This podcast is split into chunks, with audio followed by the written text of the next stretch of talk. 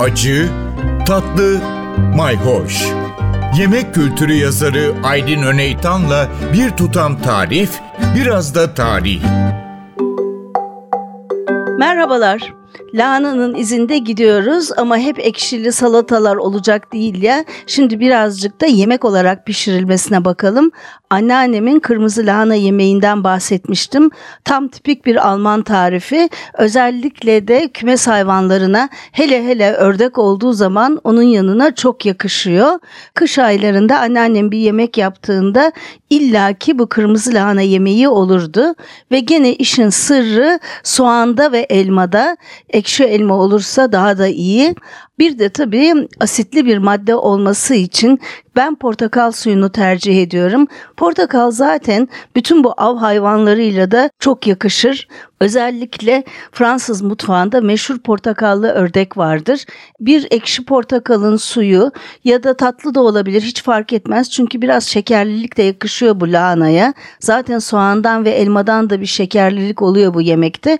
Ve tabii gene olmazsa olmaz bir takım baharatlar çok böyle eser miktarda dövülmüş karanfil, biraz zencefil olabilir. Fakat en güzeli, en uyanı da aslında bütün bunları kapsayan bizim dolmalara da koyduğumuz yeni bahar inanılmaz lezzetli oluyor. Şimdi kırmızı lahanayı kapuska yapar gibi lokma lokma keseceksiniz. İnce ince doğrama falan yok burada.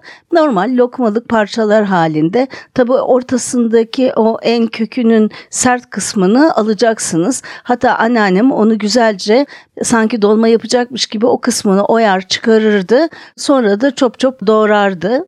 İşte bol soğanı yani bir lahanaya bir iri soğan muhakkak lazım ya da iki soğan. Onları da gene çok da küçük olmadan irice hatta yarım ayları tekrar e, boyuna dilimleyerek sanki e, dörtte bir ay gibi diyeyim doğrayıp bir şekilde tereyağında uzun uzun kavururdu.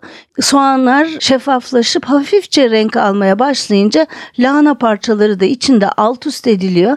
İşte bu aşamada bir kaşıkçık sirke koyabilirsiniz. Gene o renk koruma adına üstüne baharatını işte tuzunu biraz karabiber ve biraz yeni bahar isterseniz bir iki dövülmüş e, karanfil ama sadece bir iki tane suyunu koyup pişireceksiniz.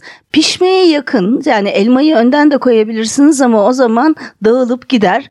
Pişmeye yakın biraz suyunu çekince elmaları da incecik böyle zar gibi dilimleyip gene yarım elma şeklinde içine atabilirsiniz ya da iri rende olabilir. Bu şekilde e, elmaları da ekledikten sonra bir süre daha birlikte alt üst edin.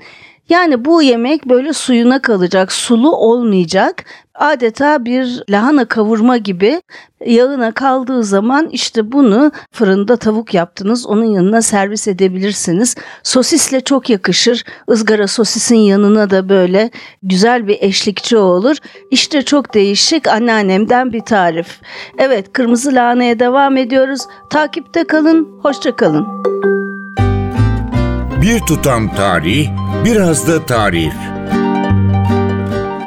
Aydın Öneytan'la Acı Tatlı Mayhoş Arşivi ntvradio.com.tr adresinde Spotify ve podcast platformlarında.